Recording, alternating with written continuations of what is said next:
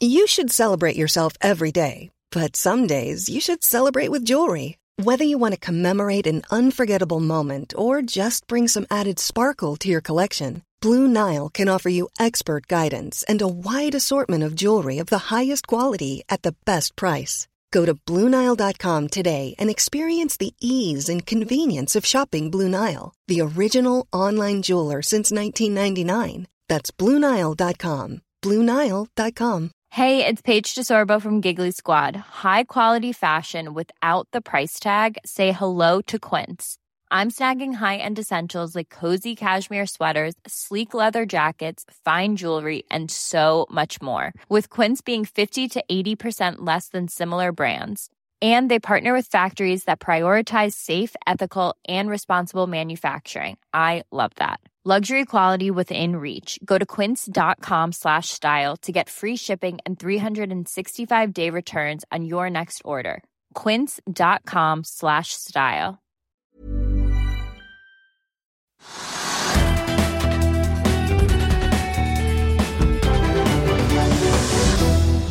Velkommen til Økonominyhetene, som nå har funnet veien også til Nordshipping ute på Lillestrøm etter at børsmålen har dominert her de siste dagene. Dette blir en sending dedikert til shipping, selvfølgelig. Vi skal snakke litt shipping og marked før vi etter hvert også skal bevege oss inn i fremtidens fremkomstmiddel for, for shipping.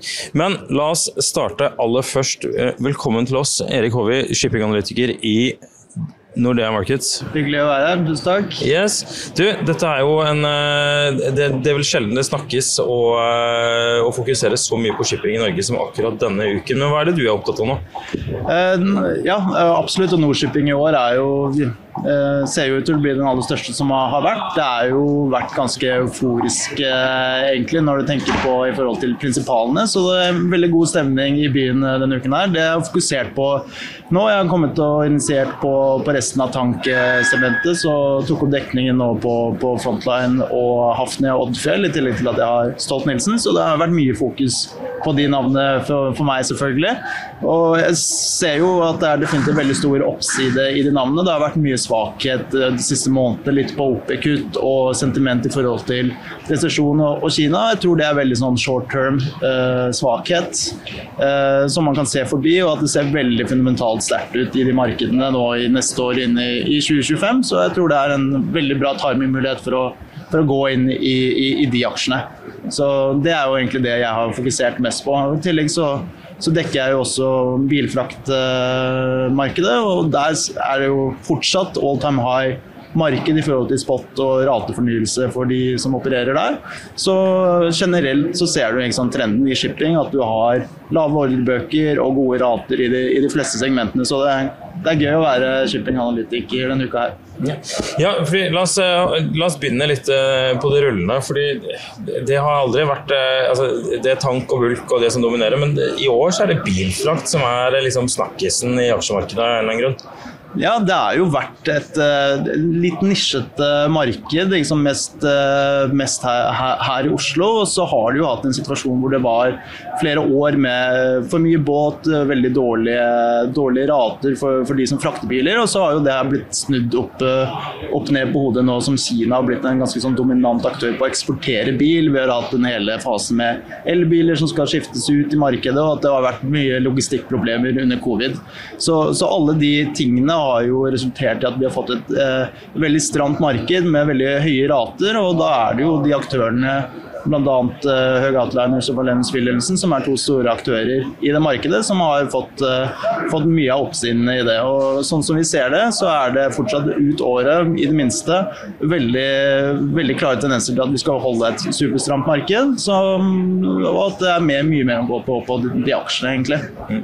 Men, altså, vanligvis har jo da Valens Wilhelmsen hatt litt sansen for litt lange kontrakter, mens Høg har kanskje hatt litt sansen for litt kortere kontrakter. Hvordan er det med Gram Hvor Ja, pleier de å legge Ja, det stemmer. Bare for å ta det, så har jo uh, Valens Wilhelmsen har jo i hovedsak hatt lange KOA, altså Contract of Affreightment-kontrakter, mens uh, Høg Outliners kan du si har rundt en tredjedel av, av sin tonnasje som kan operere, eller sin kapasitet som kan operere i spotmarkedet. Så du har jo sett en mye raskere uh, ratebygging i Høg Outliners pga. at de har bedre spoteksponering. På, på Gram sin side igjen så handler jo det mer at de eier uh, bilfraktskip som de da leier ut til aktører sånn som operatører sånn som Valens Wilhelmsen og, og Høg Outliner. Så det er det samme markedet, men litt annen type bet på i forhold til assetene versus selve operasjonen rundt bilfrakt. da. Men begge har jo gått uh, veldig godt. og og på Gram så ser man jo at de har også da knyttet og leid ut skipene sine på veldig høye rater uh, i lang tid til de aktørene. Så der er det jo mer, kan man se for seg, et mer eh, visibilitet i hva som kommer til å være av inntjeningen de neste årene, og at det er mer spill på hva utbytte og, og de tingene kan være der. Men det ser fortsatt veldig attraktivt ut for, for alle tre. Vi hadde jo Lasse Kristoffersen, eh, sjef i Wallenius Wilhelmsen, i studio her tidligere i uka. og Da var vi jo, pirka vi jo litt borti det. fordi det, Bilmarkedet ser jo bra ut nå, men det er på en måte litt et sånn etterslep også etter eh, krig og halvledermangel og, og produksjonstregheter osv. Men han poengterte samtidig at han mente at den globale leveransen av bil i år likevel ikke var i nærheten av 2019-nivået. Nei, vi har jo hatt et bortfall på kanskje 30 millioner biler under de her de siste årene pga. de faktorene som du sier. Og fortsatt så er vi på det lave 80-tallet millioner eh, biler solgt eh, i år, versus da før covid da vi var over 90 millioner biler. Så, det, så vi er fortsatt i et marked hvor normal etterspørsel til bil er, eh, må oppover for at du skal komme tilbake til normalen. Så Det er jo en av de liksom, viktigste tingene som man ser der. At både, både at du har en stram eh, supply-side eh, på, på båtsiden, og at du også må ha økende demand bare for å komme tilbake til et nivå som vi hadde, hadde før, eh, før, pandemien. Så, så, det er jo noe som gjør det veldig lett å, å, å tro på disse segmentene. Men Hvis jeg da forstår deg riktig, så du må på en måte tro at den veksten skal komme for at Høg er, er det case å gå for? Ellers ville det jo være mye tryggere å gå for Valenius, ikke det? Nei, Markedet er jo der allerede, så nå er det jo mer for begge to på den delen av flåten deres som er kontraktsfestet, å få høyere, høyere rater der. Og rulle inn i en høyere si, basenivå på de underliggende fraktratene som du har på, på, de lengre kontraktene i begge systemene. Så Det er jo en effekt ser skjer nå, og som kommer til å fortsette å bygge seg videre oppover i året. Og noe de kan leve godt på i, i de neste årene, selv om det kommer da mer skip inn i markedet fra spesielt andre halvår av 2024. Så, sånn jeg ser det, så er det veldig attraktivt både på at du har all time high spot-marked, men også at du får mye bedre mulighet til å reforhandle eksisterende kontrakter med OEM-er og bilfabrikanter på mye, mye høyere nivåer. Nå skal vi snakke litt om de sykliske delene av shippingmarkedet. og Vi har lagt merke til det her på Norsk Shipping at alle analytikerne anbefaler tørrbulk og de anbefaler oljetank. og Det er det mest sykliske. Det er jo ofte et litt sånn dårlig tegn også. Innen oljeservice, når man ikke tør å anbefale noe annet enn seismikk, da, så er jo det fordi at man ikke helt vet hva som skjer. Men uh, du har Hafnia som din favorittpick innenfor det sykliske. Hvorfor har du det? Altså, nå liker jeg både, nå tok jeg opp dekning på Frontline og, og Hafnia på, på crude og produkt, og jeg liker jo definitivt begge to. Nå ser jeg sånn på verdiene, da ser man jo på Net Asset Value også justert pris i forhold til hva skipene handler for i markedet, at det er mest oppside i Hafnia. Samtidig så har du også den dynamikken med at, at oljeprodukter har nødt til å bevege seg lengre pga. de sanksjonene vi har mot Russland. Det går mye mer Istedenfor korte distanser inn til Europa, så går nå råoljen ut til Midtøsten og Asia som blir raffinert, og må da gå tilbake til Europa. Så du får jo mye lengre distanser generelt i markedet, som trekker mye mer på flåten. Så du har jo hatt den effekten og fått mye mer kall det volatilitet i liksom, ratene som er mulig å oppnå i, i, det, det spacet.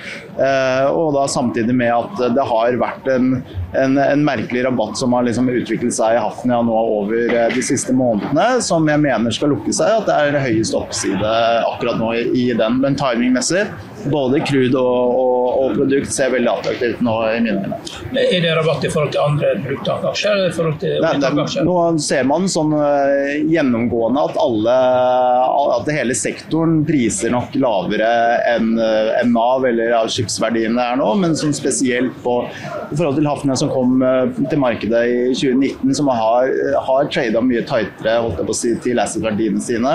at det er liksom den discounten som har utviklet seg over de da, siste månedene med det negative sentimentet rundt på det korte bildet for OPEC-kutt og, og, litt i forhold til Kina-nyheter, at det er jeg vil si at en urimelig stor diskant som plutselig utvikler seg nå. Det er under, når jeg kom ut med rapporten, så var det under 70% av skipsverdiene. Og de har jo vært mye nærmere å trade på par. Så jeg tror at den skal lukke seg, og da er det der jeg ser oppsiden. Ja. Eh, snakker dere mye om scenarioer, hva som skjer nå i forbindelse med utviklingen av krigen og russisk olje? Ettersom lager dere scenarioer for hva som skjer for ulike utfallsrom? Snakker med tradinghus eller med kunder? fordi at det, det som skjer nå, er jo kunstig. Eh, og det, det, vil jo ikke være evig akkurat det vi har nå. Men hva er det som følger etter dette her? Du, du har jo åpenbart de kunstige effektene med sanksjoner og denne den grey trading fleet, de, som er nå kontrollert av Russia og Russ, nei, Russland og mulher. Nasjoner, som er med på å lage litt av dynamikken. Jeg tror nok de sanksjonene vi ser nå er nok litt mer eh, sticky enn eh, en at de kan falle bort sånn umiddelbart. Så det er nok en vedvarende effekt. Men på, på lengre sikt så er det jo det som er interessant, er jo at det bygges for lite båt. Du har allerede et stramt marked som kommer til å holde seg stramt. så du trenger ikke å tro på så veldig mye på, på demand-siden for at det skal holde seg i et uh, veldig stramt og uh, et syklisk høyt marked. Du følger også kjemikalietanksektoren. Det er jo en sektor som har vært out of favor i snart 30 år. Ja. Ja, og nå endelig slo det til. Eh, gikk kupongen inn. Og det er stolt Oddfjell. Du følger Oddfjell. Begge. Hva, hva kan du si om de aksjene? Selvfølgelig. Eh, så nå har jo kjemikalietankmarkedet fra å være sånn som du beskriver, et litt vanskelig nisjemarked, det også, som du ikke har fått helt benefiten av, eh, av de mer større tankmarkedene Eh, i flere år. Nå har du hatt et år hvor du har virkelig sett en oppsving eh, der. Og det er jo litt pga. den linken du ser til produkttankmarkedet spesielt. Det er jo mye båter som kan gå i begge markedene. altså Vegetabilsk olje f.eks. er en ting som en del produkttankbåter kan ta, og spist inn i mye av markedets kjemikaltank. Nå går jo de tilbake til et mye mer attraktivt produktmarked, som er med på også da stramme kjemikaltankmarkedet. Og vi har sett at uh, ratene altså på spotmessig også på kjemikalietank gikk opp til all time high på slutten av året i fjor, i, i desember. Det har svekket seg uh, litt nå, men der ser vi også den samme dynamikken med at den skal løftes av at vi har tro på et stramt produkttankmarked. Samtidig så har du jo den linken i forhold til eh, global BNP. Kjemikalier er mer en strukturelt produkt, vanskeligere logistikk, som gjør at du har vanligvis lengre kontrakter og mer, trenger mer visibilitet i, i, i, i produktkjeden, holdt jeg på å si, eh, som gjør at det litt, tar lengre tid for at det kommer seg.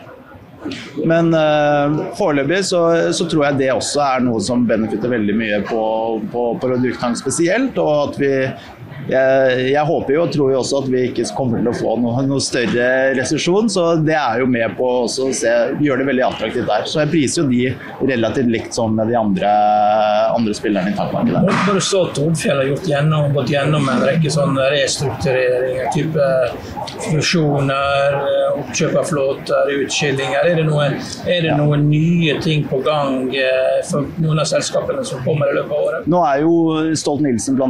Er, jo et, er jo et stort eh, system og driver med flere forskjellige ting, bortsett fra ikke bare med som vi kaller tankskip, men også tankfonteinere, terminaler og, og litt fiskeoppdrett i tillegg. Så det har jo vært en kommunikasjon fra management der eh, over det siste året at de ønsker å kanskje skille ut kjemikalietankdelen sin. Det er jo i hvert fall noe de sier. Og, og, da kan du jo kanskje få et litt mer pure play-spill på akkurat den delen, og ikke at man ser på, på mer de strukturelle, altså strukturelle delene av, av, av Stolt-Nielsen. For den har jo historisk blitt prisa litt som et konglomerat, og som vanligvis får en liten discount pga. det.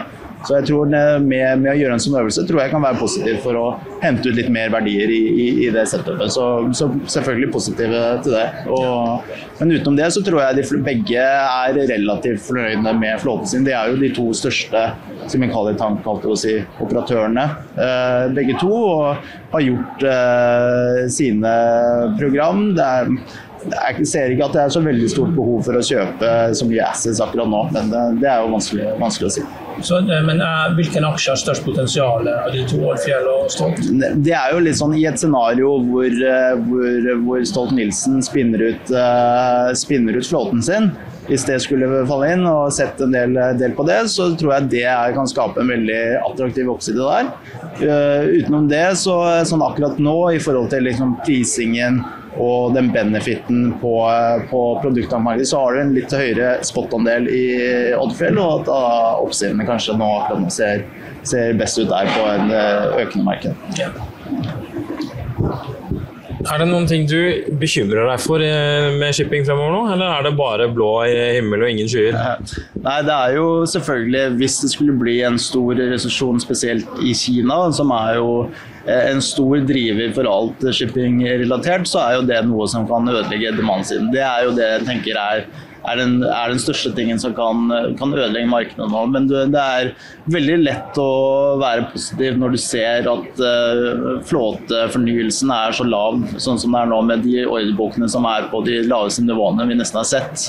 Så skal det som sagt veldig lite til for at markedet skal holde seg bra, selv om ikke demand slår inn akkurat så sterkt. Uh, Eh, det, som vi tror. Da. Så, så, for, så, veldig overvekt på, at, eh, på positivt marked fremover i shipping. Erik Ovi, tusen takk for at du kom til oss her i Økonominyhetene. Vi er straks tilbake, og da skal det handle om eh, både ammoniakk og metanol. Bare følg med rett etter dette.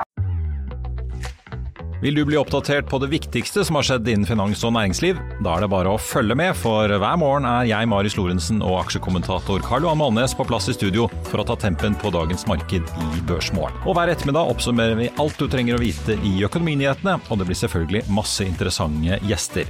Klikk deg inn på fa.no-tv, eller søk opp Børsmorgen og Økonominyhetene der du hører på podkast.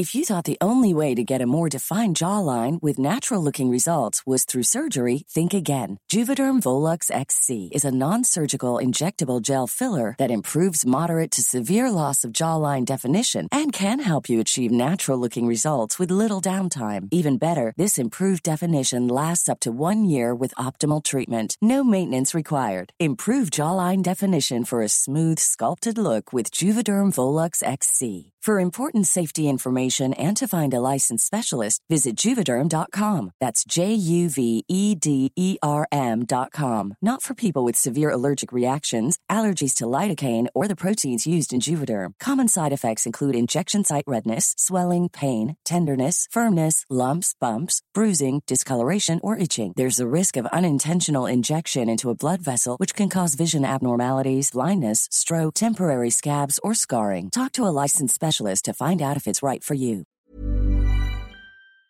I'll see you in court. Vi sier det ofte litt på spøk, men for deg som driver business, er det aldri moro å innse at du ikke har laget en 100% gyldig kontrakt. Du bør ikke risikere hele firmaet ditt fordi du synes dette med kontrakter er litt stress. En avtale er ikke en avtale. Du kan miste kunder, miste venner, ja, til og med miste inntekter om du ikke lager en skikkelig kontrakt, på alt mulig, egentlig. Men vi vet det er et styr, kopimaskiner, tregprinter og haugevis av papir. Dessuten stoler vi jo på folk her i landet.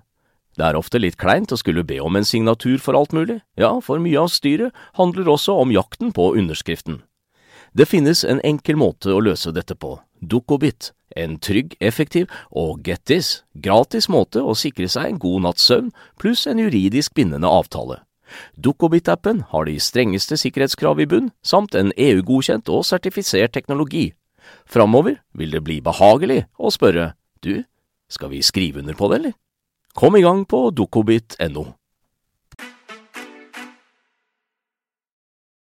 Hvilke drivstoff som skip skal driftes på i fremtiden, er en av de tingene som det snakkes mest om på Nordshipping. Vi har hørt mye prat om ammoniakk, og har derfor fått Christian Berg fra Amoji. Han er europasjef. Eh, velkommen til oss. Kan ikke du fortelle litt om Amoji, og hva dette er for noe? Jo, det kan jeg godt gjøre. Og, og jeg har jobba med ammoniakk som drivstoff i eh, ganske mange år. Eh, først i Yara som kommersiell direktør der. Og Da kom jeg i kontakt med Amogy som utvikler teknologi for å bruke ammoniakk som, eh, som, drivstoff. Og eh, Primært så har Amogy lagd en teknologi som gjør eh, ammoniakk om til hydrogen. Og hydrogenet brukes til å lage strøm eh, om bord på et skip, som igjen kan drive skipet. Og De har en eh, veldig banebrytende teknologi. Eh, det er patentert. Og de gjør dette med et veldig lavt energitap fra ammoniakk til strøm. Og Fordelen med å bruke ammoniakk er jo eh, hydrogen er veldig vanskelig å transportere og det er veldig vanskelig å lagre om bord på et fartøy. Men det er veldig, eh, si, veldig mye produkter som kan gjøre om hydrogen til strøm. Så ved å bruke ammoniakk som hydrogenbærer og gjøre om den til hydrogen og så strøm, gjør jo at du får mye lettere transport, for ammoniakk er lett å transportere og lett å lagre om bord. Nå, eh, vi har hørt veldig mye om ammoniakk veldig lenge, og dette er det nærmeste jeg har sett noen ha en realistisk løsning. Her sitter jeg med et factsheet. Bilder av tegninger fra ammoniakk til engine room, og, og også på dekk er det masse ulike variabler. Og du forteller at dette her er et privat selskap. Kan du si litt om eierne hvor mye penger det er hentet inn? Ja, eh, dette har gått veldig fort. Eh, dette er en typisk eh, nesten sånn Silicon Valley startup. Eh, selskapet ble starta i 2020, og vi henta 220 eh, millioner dollar. Vi har fått inn eiere som eh, AP Ventures, SK Industries, Amazon, Saudi Aramco, Mitsubishi, Yanmar. Så vi har en veldig global eiere med et veldig klart perspektiv på at dette blir det første løsningen for ammoniakk som drivstoff. Ja. Og, og, Likevel så er det sånn at eh, hver gang man skal til å ta en beslutning, så sier man at eh, vi, er, vi, er, klar for ammoniakk, men vi, vi, gjør det ikke. Men nå sier du at nå er det løsninger på gang. Det er, en, eh, det er noe som skal skje nå. Kan du si noe mer om det? Ja, Vi har eh, verdens første båt med ammoniakk. Eh, skal seile ned Hudson River i eh, New York, ned til kontoret vårt i Brooklyn i oktober-november 2023. Og eh, ikke bare er det på ammoniakk, men da grønn ammoniakk fra Yara.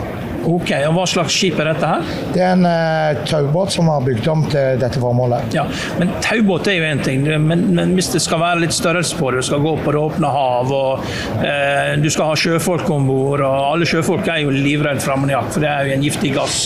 Kan du si noe om hvordan dere tenker rundt det? Det er klart, Sikkerhet er en av våre viktigste aspekter.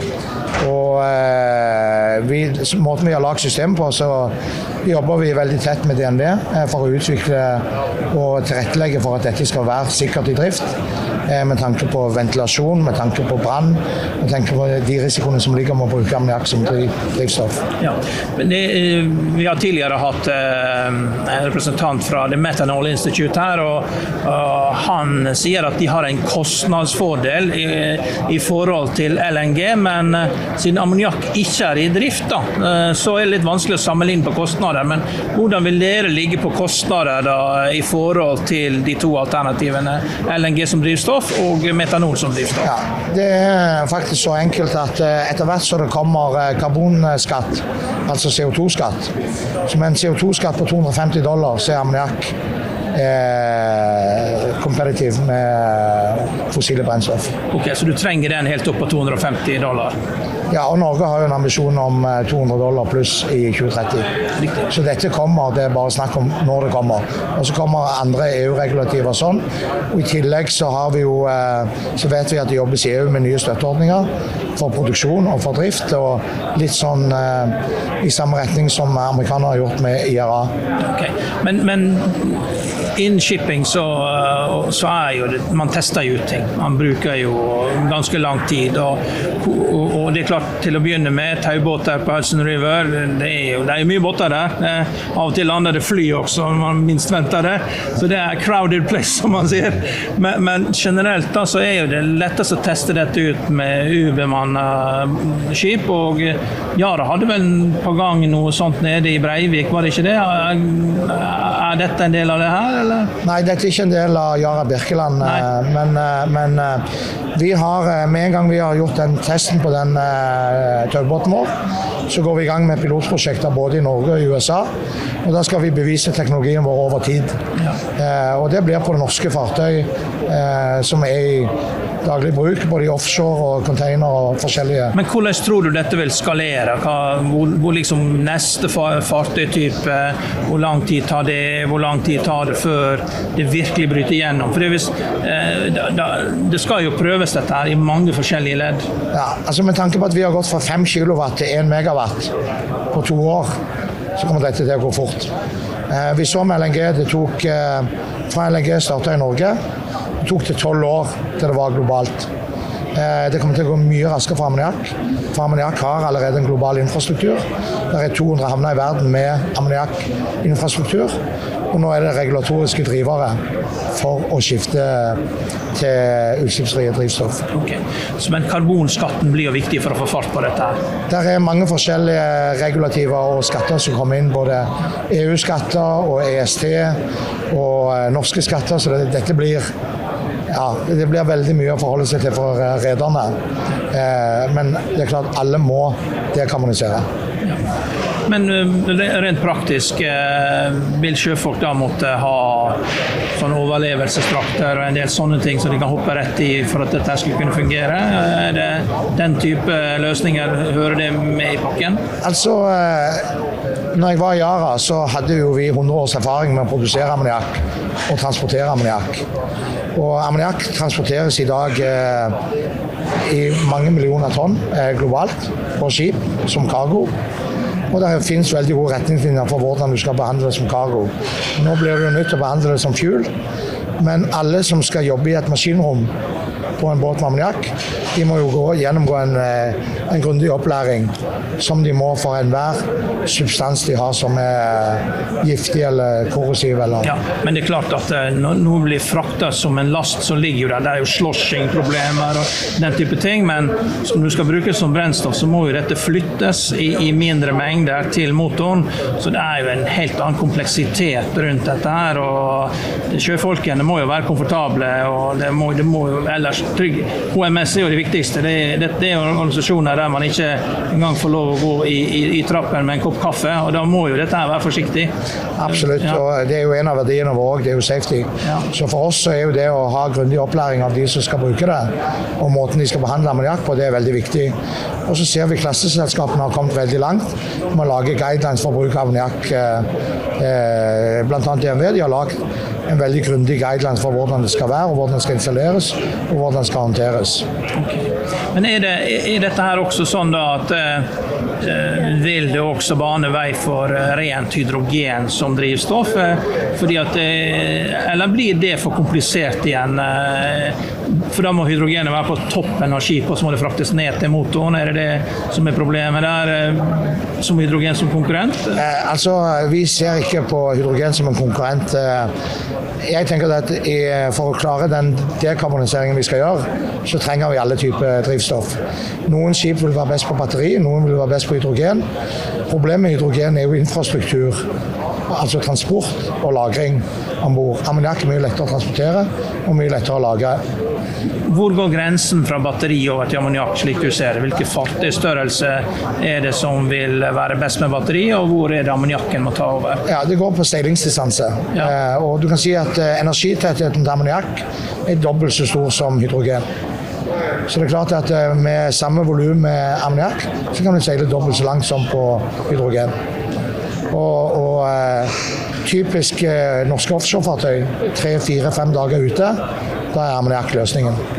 Og dette her er selv om det er liksom 15-20 meters bølgehøyde og det slår på maskinen, har det testa sånne ting? eller at det fungerer? For det, det er jo liksom den siste biten når ammoniakken skal inn i motoren som er det sensitive, og at eh, rørene tåler dette her. For det er, jo, det er jo det som er problemet helt til slutt. Ja, du kan si Det mest kritiske er jo fuelcellen. Og de fuelcellene vi bruker, de er jo klassegodkjent Ja. for bruk om bord. Så de er eh, lagd for å være på skip i de kondisjonene du sier. Okay. Ja, jeg har ikke noen Eh, utover det, det grønne aspektet av dette her eh, For det, er jo det er veldig fint å stå og holde taler om at alt er bærekraftig og osv., men det er et økonomisk aspekt i det her. og Hvorfor er det ammoniakk skal være den, den løsningen eh, for skipsrederen som skal bestille seg et skip? Jo, altså For det første så er ammoniakk eh, 100% utslippsfritt fra well to wake, som vi sier. Altså Bruker du grønn energi for å produsere ammoniakk, så har du òg null utslipp gjennom produksjon og bruk som drivstoff. Da har du gjennom hele verdikjeden så har du null utslipp. Mm. Men kostnader, da? Eh, kostnadene i dag på ammoniakk er jo eh, høy pga. gassprisen, som gjerne drev av krigen i Ukraina. Men i et normalt marked så, er, så ser vi at eh, ammoniakk begynner å nærme seg konkurransedyktig med CO2-skatter på fossile brennstoff. Mm. Vi hadde Jaran Rystad her inne tidligere i uka som mente at uh, i fremtiden så vil uh, et, all etterspørsel etter fossile drivstoff også forsvinne med det grønne skiftet. Men dere vil med andre ord være avhengig av gass i lang tid fremover? da? Nei, eh, heller tvert om. Eh, gass eh, for produksjon av ammoniakk er det som kommer til å være på vei ut. Eh, å lage ammoniakk med bruk av elektrolyse, altså grønn eh, ammoniakk, det er det som er fremtiden. Og Det er litt interessant å se at eh, Yara f.eks. produserte grønn ammoniakk fra 1920 til 1990. I over 60 år produserte grønn ammoniakk. For så å bruke gass. Eh, på 90-tallet var det ingen som så på kostnaden med gass og CO2-utslipp. Så det tok sånn 30 år for å se at dette var en dårlig, dårlig løsning. Mm. Vi skal tilbake dit, og da blir alt lønnsomt. Ja. Veldig bra. Tusen takk for at du kom i studio hos oss. En av de dominerende diskusjonene på Nordshipping i år er hva skip skal driftes på i fremtiden, altså da drivstoffmessig. Det er spekulasjoner om vind og ammoniakk og ja, hydrogen, eller skal det bare gå på olje? Skal det frakte olje, som Jaran Rystad lurte på tidligere i uken når vi snakket med ham? Han spådde jo at 40 av eh, shipping faller vekk når de fossile drivstoffene ikke skal fraktes rundt i verden lenger. Uansett, metanol er også et eh, veldig hot topic, og Karl Johan Molnes tok en prat med Greg Dolan i Methanol Institute. Han har jo ledet dette, denne interesseorganisasjonen i 27 år. Og det intervjuet, det får du nå. Welcome to this uh, interview here. We're so lucky to have uh, Greg uh, Dolan, um, CEO of the Methanol Institute. You've been working on, uh, the Methanol Institute for the last 27 years. So um, we would like to just know sort of where's the front line sort of between methanol and ammonia. I mean, Maersk has chosen methanol as a fuel. Uh, is that because of costs or are there other conveniences that makes uh, methanol uh, advantageous towards ammonia? Yeah, uh, thanks for that question. You know, we worked with Maersk for about a two-year period before they made their announcement in February 2021 that the first carbon neutral vessel would be operating on methanol.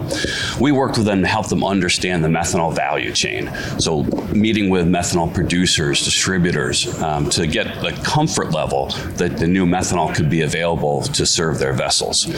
Maersk decided to act on methanol really for, for two reasons. First, they could act now. You could buy an engine. They could buy an MAN Energy Solution engine, two stroke engine that's been on the market for several years. It's been proven uh, on 24 methanol chemical carriers, chemical tankers that have been operating for a number of years, 140,000 hours of operation. The technology is mature and approved. The second reason that Maersk went with methanol is because their 200 largest customers are asking them for carbon neutral shipping. They want to reduce their scope 3 emissions with carbon neutral transport of their goods, whether it's uh, IKEA or Adidas. And with methanol, you can have both a low carbon and a net carbon neutral fuel that can allow them to offer certificates, green certificates to their customer, showing that they've had carbon neutral transport of their goods. So it's, uh, but we're not there yet, right? I mean, it's not carbon neutral yet. So it's carbon neutral ready, like uh, a lot of other things that are sort of hydrogen ready. Or so, what stage is Maersk at? Uh? So the other thing Maersk has done, in addition to ordering now 19 vessels, um, container ships, they've also signed letters of intent with 10 different producers of biomethanol, produced from biogas or biomass gasification, and e-methanol, which is produced from green hydrogen and biogenic CO2. So they've now signed agreements to provide enough methanol supply, renewable green methanol, to fuel those 19 vessels that are coming on the water. The first one will be officially launched on September 14th in Copenhagen.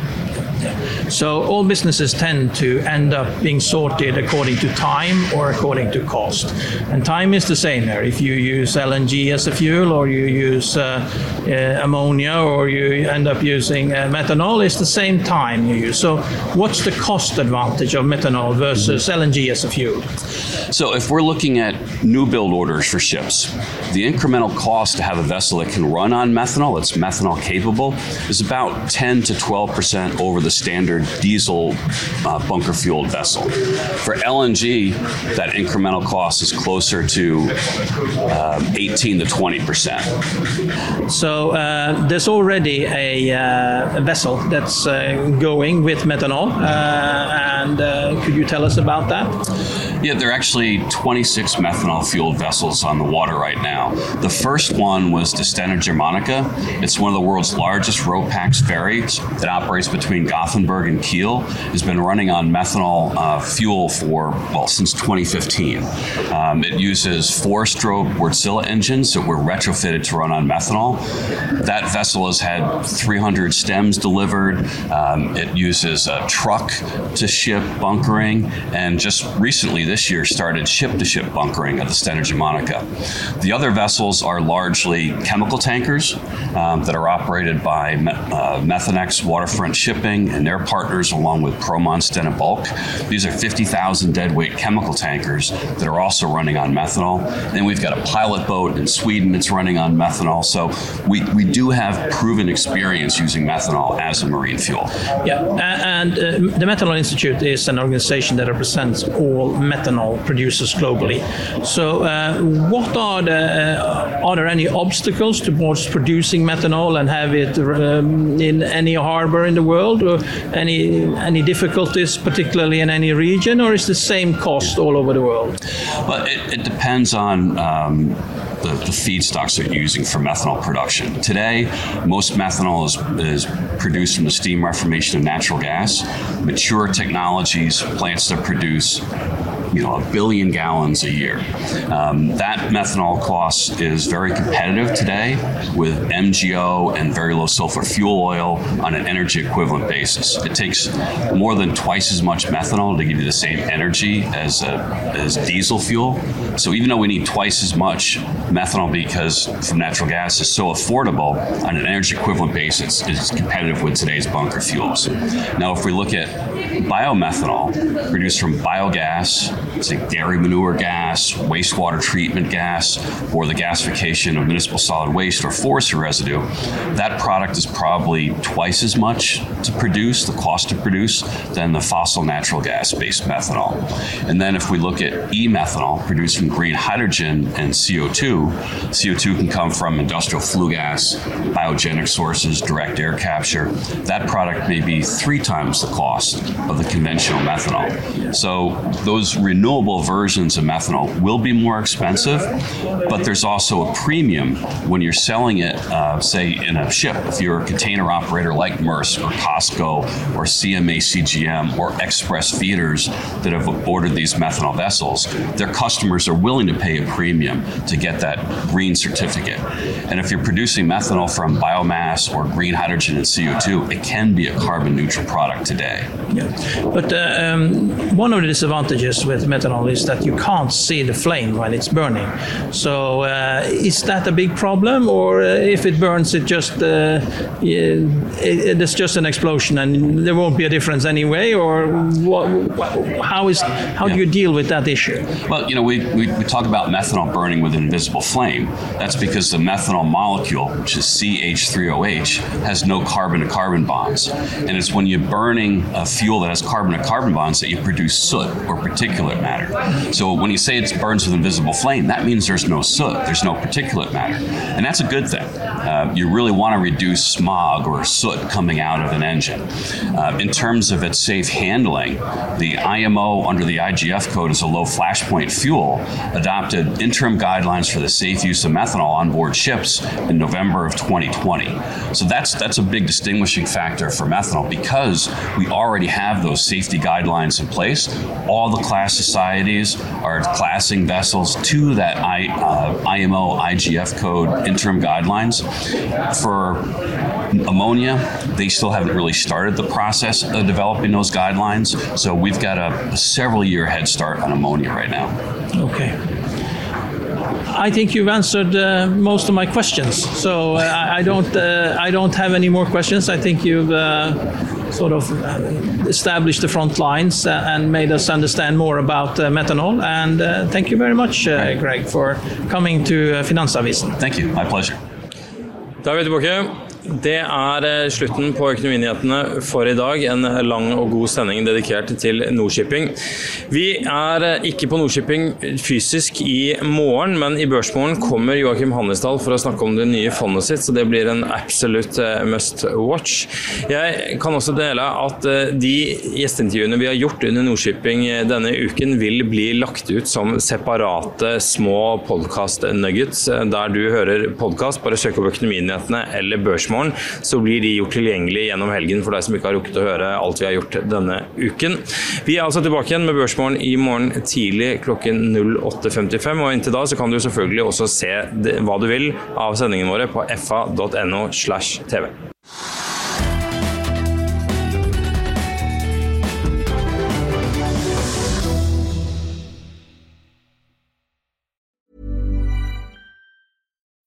When you need mealtime inspiration, it's worth shopping Kroger, where you'll find over 30,000 mouthwatering choices that excite your inner foodie. And no matter what tasty choice you make, you'll enjoy our everyday low prices, plus extra ways to save, like digital coupons worth over $600 each week. You can also save up to $1 off per gallon at the pump with fuel points. More savings and more inspiring flavors make shopping Kroger worth it every time. Kroger, fresh for everyone. Fuel restrictions apply. Økonominyhetene er en podkast fra Finansavisen. Programledere er Marius Lorentzen, Stein Ove Haugen og Benedikte Storm Bamvik. Produsenter er Lars Brenden Skram og Bashar Johar. Og ansvarlig redaktør er Trygve Hegnar.